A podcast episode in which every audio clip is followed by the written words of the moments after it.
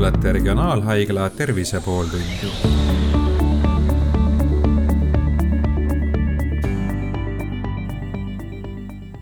tervist, minu nimi on Hando Sinisalu ja tere kuulama Regionaalhaigla Tervise pooltundi, kus täna äh, maailma südamepäevaga seonduvalt me räägime südamehaigustest ja täpsemalt südameinfarktist ja saade on üles ehitatud niimoodi, et meil on äh, üks äh, patsient, äh, päris tuntud inimene, Tallinna Kunstikooli direktor Märt Sults ja ekspert, regionaalhaigla südamearst professor Margus Viigimaa.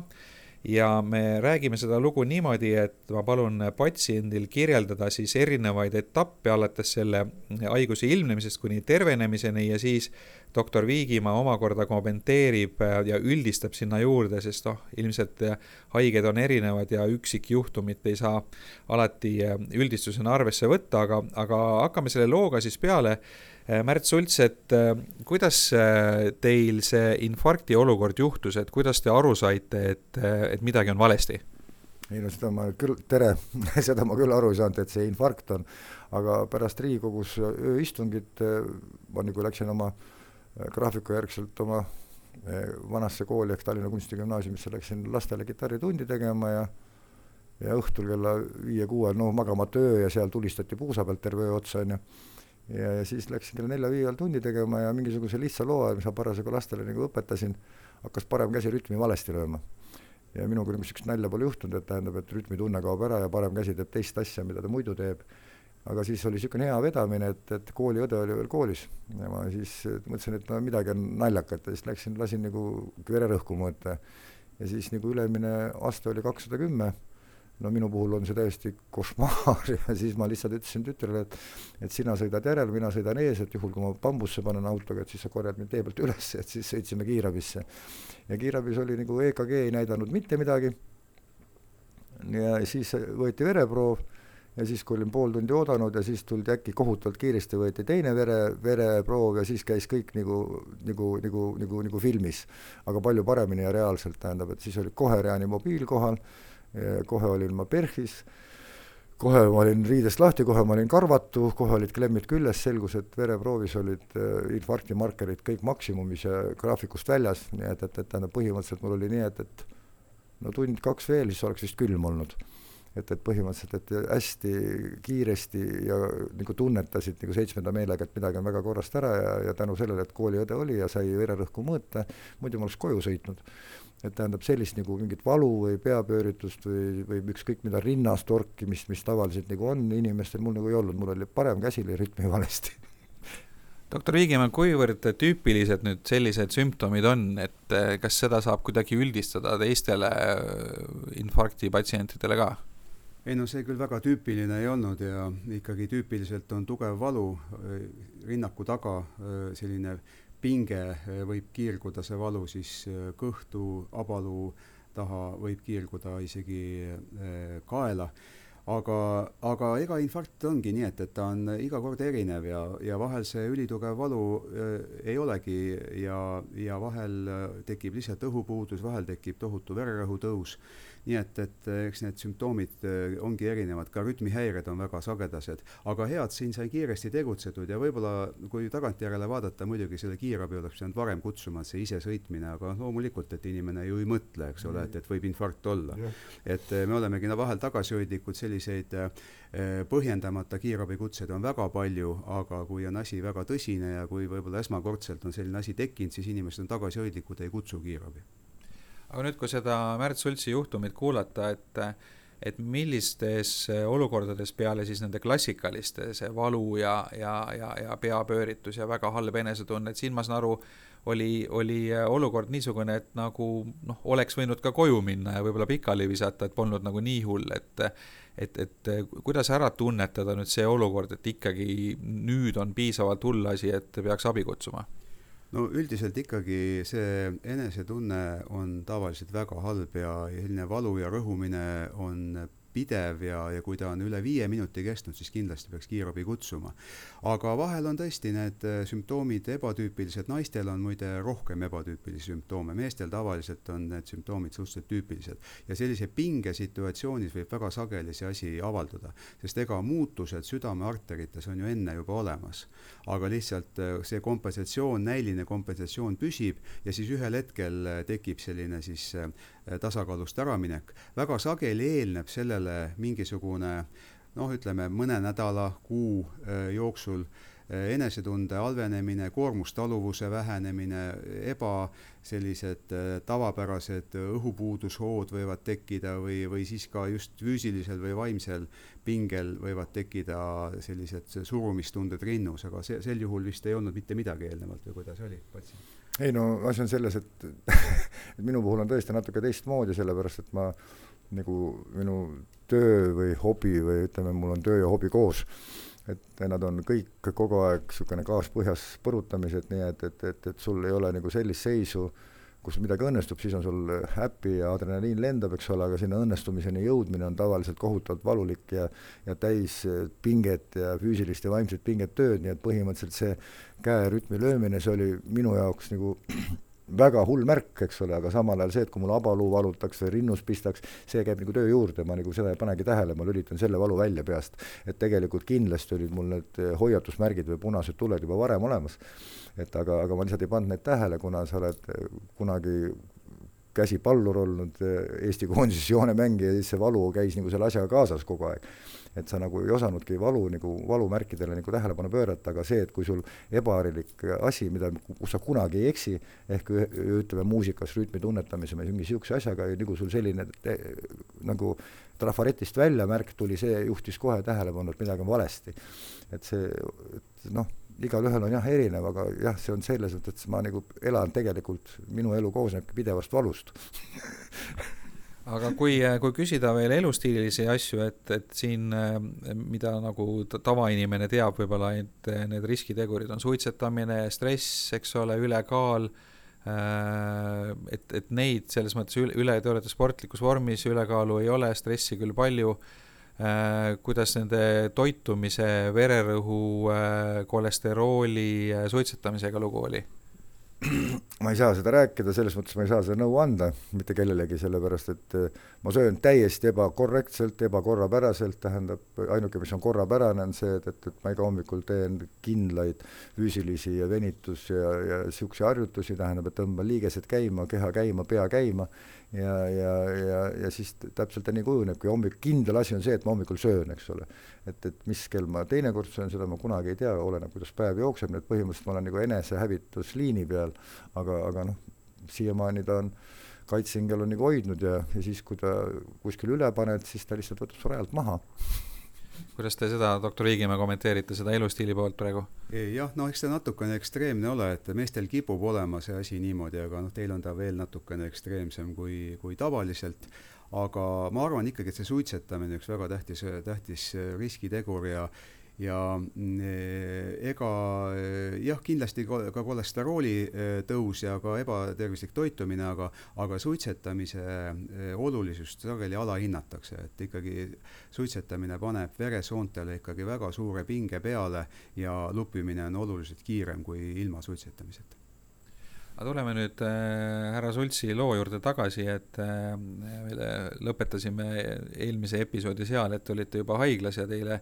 tehti kähku äh, siis äh,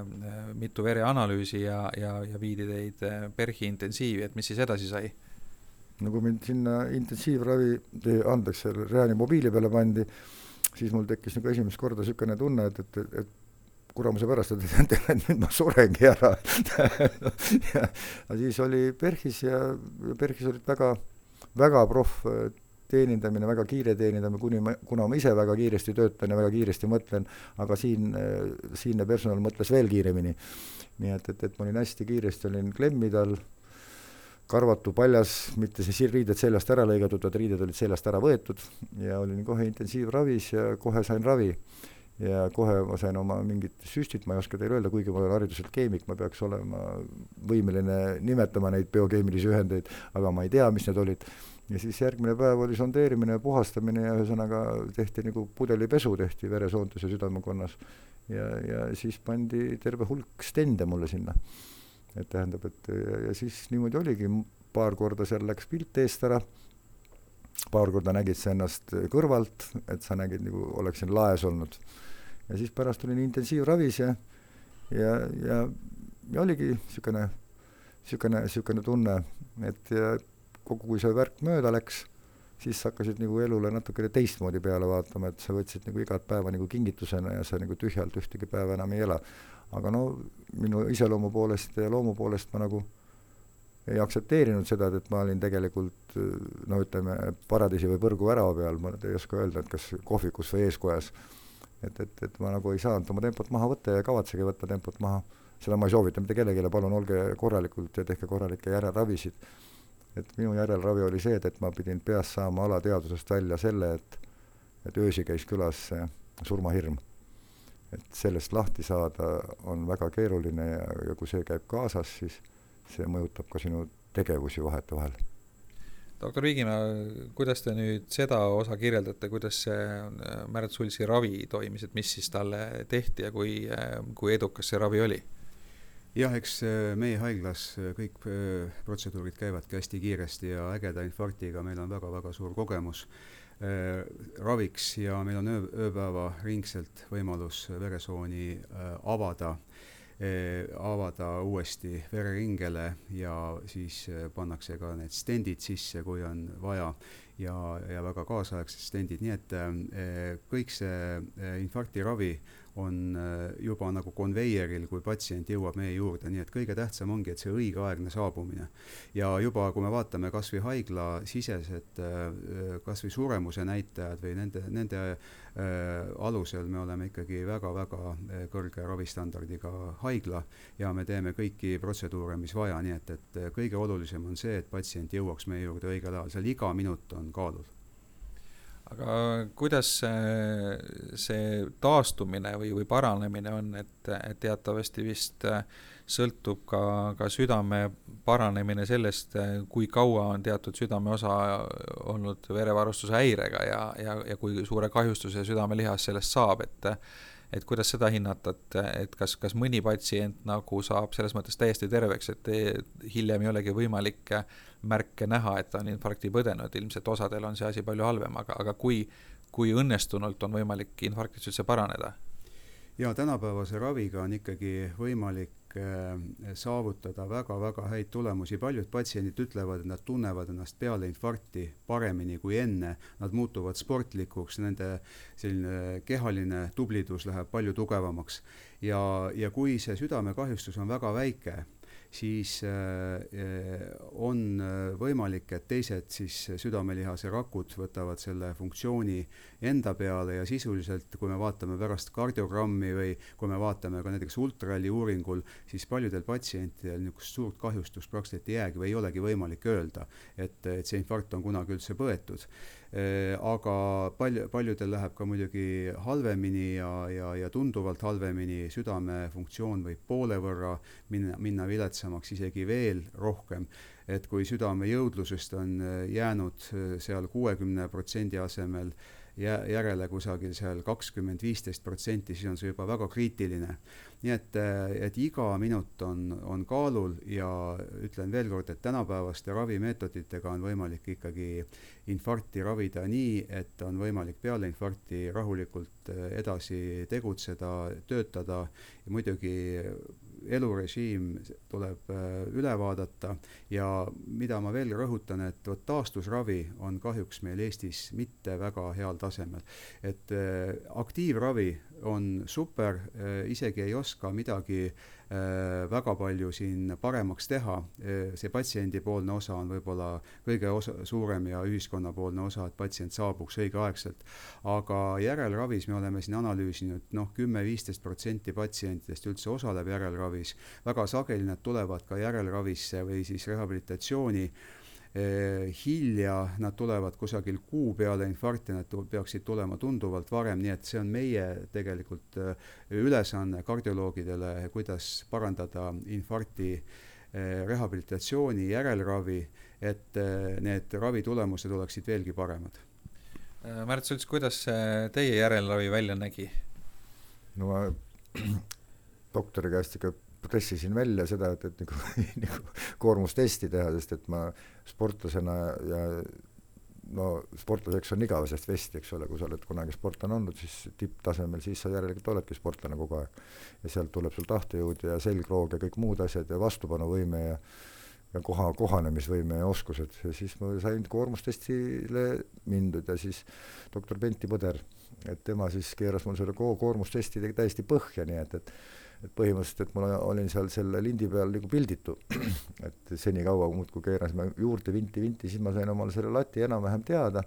et kui suured kahjustused mul on ja kui kiiresti ma taastun. ja siis ma paningi selle lati niimoodi ja siis, et, et endale, et, et ta ei oleks mulle liiga kõrge, ei oleks liiga madal ja siis üritasin selle mati järgi olla, aga, aga taastusravi oli see, et ma käisin oma perearstile pinda kogu aeg, doktor Arpole, et, et ma käisin iga kuu käisin EKG-d tegemas ja neid asju, sellepärast et et, et kui ma haiglast välja tulin, siis ma nagu nalja, nalja poolest, kui ma PERH-ist välja kirjutati, et siis ma nalja nagu nal-, mis naljaga, noore mehena, eks ole, küsisin no, doktori käest, et kuidas siis selle sekseluga lood on, siis ta ütles mulle vastu niimoodi, et, et kui sa teise korruseni jõuad jalgsi minna ja hing kinni pole, siis on kõik okei okay. nii et, et ma selles suhtes nagu olen positiivne, positiivne inimene, tähendab, et hoidke ennast ja sõna otseses mõttes sööge tervislikult ja ärge üle punnige ja püüdke stressimürgid millegi muuga välja saada kui mingisuguse jamaga, ma pean alkoholi silmas ja neid muid asju.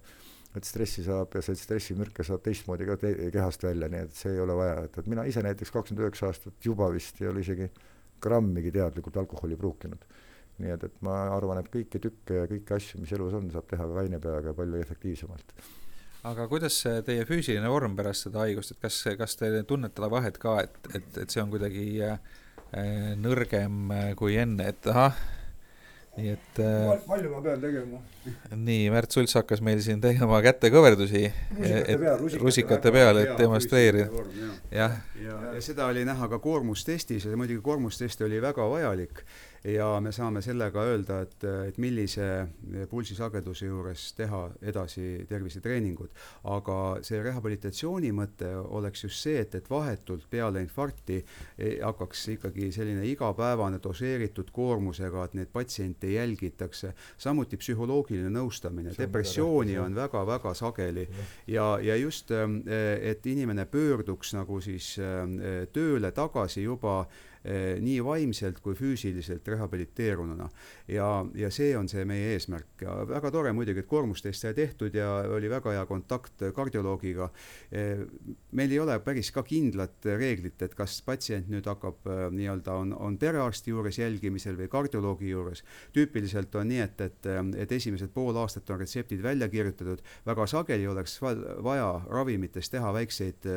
noh, ütleme siis korrektsioone, aga seda nagu ei tehta jällegi rehabilitatsiooniprogrammis me saame vaadata, millised on patsiendi vajadused, need võivad peale infarkti kiiresti muutuda, mõnda ravimit võib-olla saab natuke vähemaks võtta, võib-olla mõnda ravimit on vaja juurde panna. nii et, et see on äh, üks võimalus, kuidas me saaksime veelgi paremini just ägeda infarktiga väga hästi ravitud patsient, et ta pöörduks tagasi tööle, äh, nii et, et see vahepealne periood oleks ka optimaalne kas see, et äh, Märt Sultsi puhul on tegemist endise tippsportlasega, et kas, kas te olete märganud seda ka, et need inimesed, kes on äh, mingi osa elust aktiivselt sporti teinud ja hiljem ka sportlikud, et kas neil on näiteks äh, taastumine kergem või, või põevad nad infarkti üldse kuidagi kergemini läbi kui vähem füüsiliselt aktiivsed inimesed?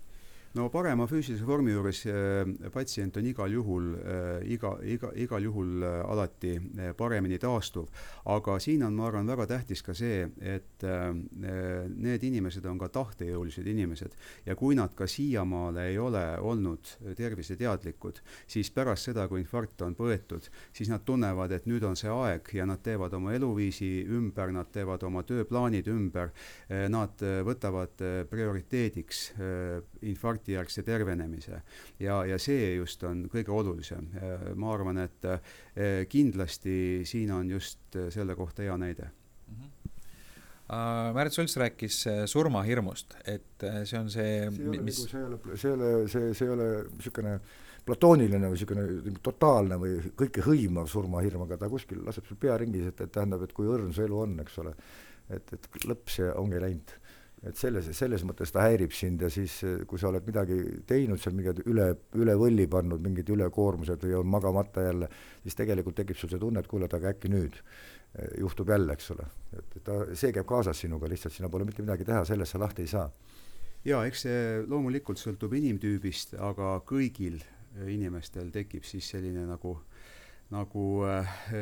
tõehetk, et, et mis, kuidas edasi, et infarkt on potentsiaalselt surmav haigus noh, praktiliselt pooled inimestest ei, ei, kes põevad infarkti, eh, kahjuks ei, ei jõuagi elule tagasi. Ja korduv infarkt on veelgi ohtlikum haigus, nii et nüüd tuleb kõik teha selleks, et ikkagi ennetada uusi tüsistusi, võib see tüsistus tulla ka ajuinsuldi või, või mõne muu lupjumishaiguse tagajärjel, nii et kui ühes basseinis, nagu siis südames, me oleme leidnud suured aterosklerootilised kahjustused, et need on kindlasti olemas ka teistes, nüüd on ainult aja küsimus. aga eluviisiga saab hästi-hästi palju ikkagi ära teha ja tänapäevaste ravimitega, kui need korrektselt võtta on ikkagi väga-väga palju äh, parem prognoos ja eriti siin tuleb nüüd kõne alla kolesterooli langetamine just, sest noh, suitsetamisest peaks kindlasti loobuma ja enamus inimesi saab aru, et nüüd on see aeg, kui nad on ka olnud väga kirglikud suitsetajad, et nüüd enam ei tohi. aga kolesterooli langetamisest äh, noh, on erinevaid jutte olnud, et justkui, et see madal kolesterool võiks tekitada mingeid kahjustusi ja statiinravi on üldse üks niisugune võib-olla natukene ohtlik asi, et kõik uuringud praegu näitavad ikkagi, et, et see kolm kolm millimooli liitris, mis on terve inimese halva kolesterooli number, eh, ei ole enam normaalne infarkti põdenud patsiendile. ja praegu on siis rahvusvahelistes juhistes üks koma neli millimooli liitris ja sinna saab ikkagi jõuda väga korraliku statiinraviga, pluss meil on üks teine ravim, esetimiib sealjuures, ja just viimastel aastatel, praktiliselt öelda üks ravim ka sel aastal,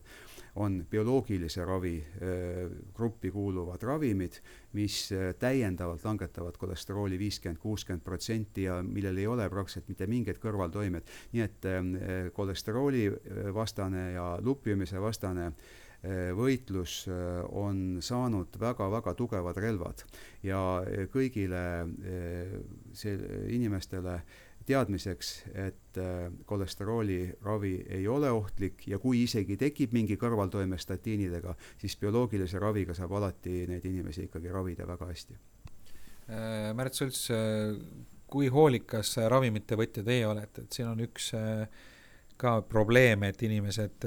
kui nad tunnevad ennast hästi, et siis neil nagu ei ole sellist põletavat vajadust ravimit võtta ja, ja läheb lihtsalt meelest ära, et kui kui hoolega teie seda asja järgite? kuna ma olen kooliõpetaja ja, ja koolidirektor ja ma nõuan teiste käest distsipliini, siis äh, ma olen selles suhtes väga distsiplineeritud ja väga täpne, et kui arst kirjutab ette, siis äh, siis kui, siis kui on ette jah nähtud, siis tuleb võtta ja mina võtan verevedeldajat ja, ja, ja siis vererõhu stabiliseerijat ja õhtul kolesterooli. ja seda ma olen teinud neli pool aastat, iga päev on menüü sul olemas, õhtul lõikad valmis tabletid,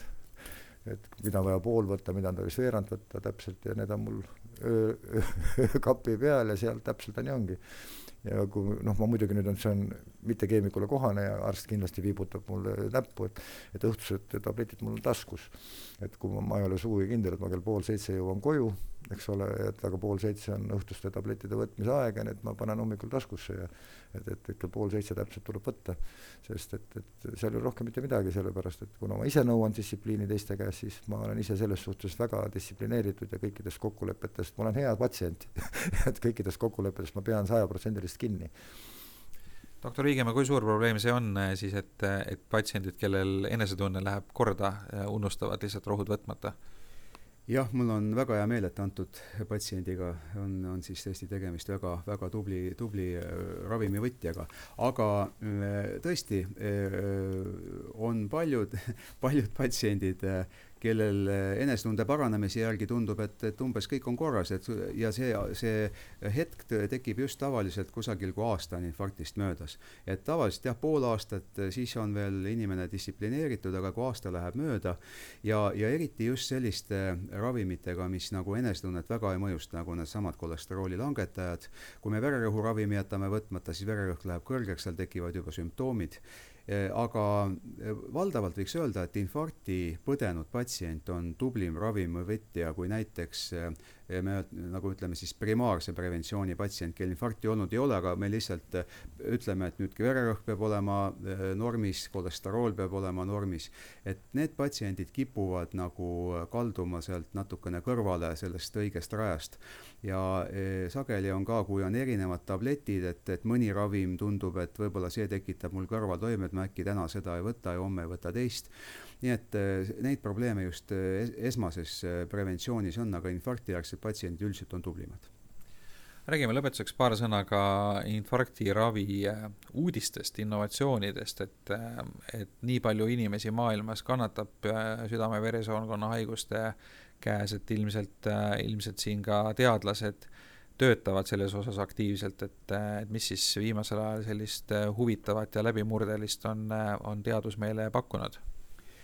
jah, eks ähm, infarktiravi on, ma ütleks, et äh, muutunud äh, nii äh, heaks, aktiivravi just, et siin on võib-olla need muutused olnud nii-öelda sam-, samm-sammuliselt tulevad paremad stendid, on võimalik ähm, nende stentide abil hoida veresooni kauem avatuna ikkagi juhtub ka nii, et, et me paneme küll stendi, aga aja jooksul ateroskleroos ikkagi noh, nii-öelda protsess läheb edasi, teine asi, et ka siljelihased siis võivad kiiremini seda veresoone valendikku vahendada aga kõige olulisem on ikkagi võib-olla innovatsioonist needsamad bioloogilised kolesterooliravimid vererõhuravimite osas eh, ei ole väga suurt eh, sellist läbimurret toimunud, aga on üheksakümmend protsenti patsientidest olemasolevate ravimitega just võib-olla põhiline muutus, mis on toimunud, et on kombinatsioonravi, kolme erineva preparaadiga ravimkombinatsioonid ja me saame enamus patsiente ravida päris, päris kenasti. ja antikoagulantidest või verevedeldajatest Eh, ka antiagregantidest eh, on eh, jälle tulnud uued ja uued ravimid peale, mis on natukene veel efektiivsemad kui vanema põlvkonna ravimid. nii et põhimõtteliselt äh, ravimid on kõik olemas ja ravimite kõrvaltoimed võib-olla on natukene liiga palju äh, afišeeritud ja kui me loeme tõesti selle ravimi äh, sedeli juures, et siis neid kõrvaltoimed on üles loetud väga palju samas ravimite efektiivsus on väga suur ja ega me ilmaasjata ravimeid ei kirjuta, need on kõik tehtud hulgal, hulgaliselt ravimiuuringuid, mis, mis näitavad, et, et teatud ravimigruppide kasutamisel müokardiinfarkti järgselt on uue infarkti või ajuinsuldi tekkimise tõenäosus tunduvalt, tunduvalt madalam ja ainult siis me neid ravimeid kasutame. nii et kokkuvõttes kõik on ikkagi võimalik, väga palju on patsiendi enda, eh, enda eh, osa, aga eks meditsiini areng ja, ja, ja ravimite areng ka toetab tervenemisprotsessi. No Covidi ajal on väga palju tähelepanu ühel haigusel olnud ja ka haiglate ülekoormus on võib-olla põhjustanud seda, et mitmed teised Äh, haigused on saanud vähem tähelepanu, et äh, kuidas Covidi epideemia on, äh, on infarkti ravi mõjutanud? jah, tõesti, mitmetes riikides on oluliselt langenud müokardiinfarkti haigete arv Covidi perioodil. Õnneks Eestis ei ole see nii olnud ja põhjuseks on see, et inimesed lihtsalt ei julge arsti juurde tulla ja just sellised kergemad infarkti vormid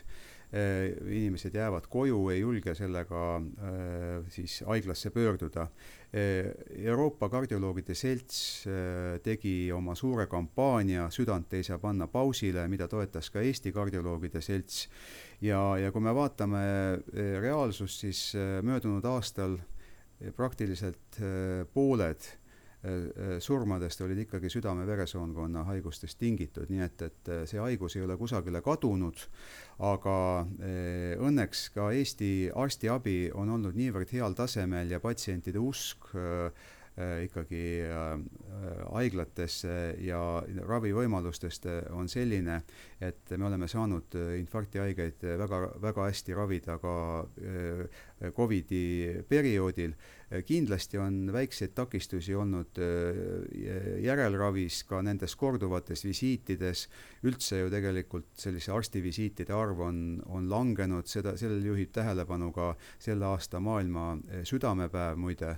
ja, ja samuti äh, juhib Südamepäev äh, tähelepanu äh, sellele, et, et tõesti ei, ei, ei jõua need patsiendid arsti juurde, teine asi, et nad liiguvad vähem, neil on vähem kontakte sõpradega, vähem suhtlevad rohkem esineb depressiooni, nii et kõik see jällegi soodustab äh, südamehaiguste ja ka südamelihase teket, aga äh, jah, võiks öelda, et Eestis ei ole need probleemid nii suured olnud ja, ja me oleme saanud ikkagi kenasti infarktihaigeid äh, ravida. No lõpetuseks tänasest vestlusest tuli välja see, et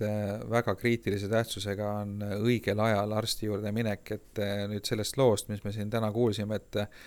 et teeks mingit kokkuvõtet ka, et Märt Sults, et mis teie eh, kui, kui te nüüd saaksite ajaratast tagasi pöörata eh, enda juhtumi korral ja võib-olla ka õpetuseks teistele, et, et mida te soovitate, et kui kellelgi eh, on enesetunne järsult halvenenud või, või, või sellised veidrad seni, seni olemata tunded, nagu teil oli see rütmitaju kadumine, et, et mis te, mis te kui ajaratast tagasi pöörata, mis te siis teistmoodi teeks või mis sellest õppi, õppida oleks teistel? Kuulata oma keha ja, ja ongi kuulata oma keha.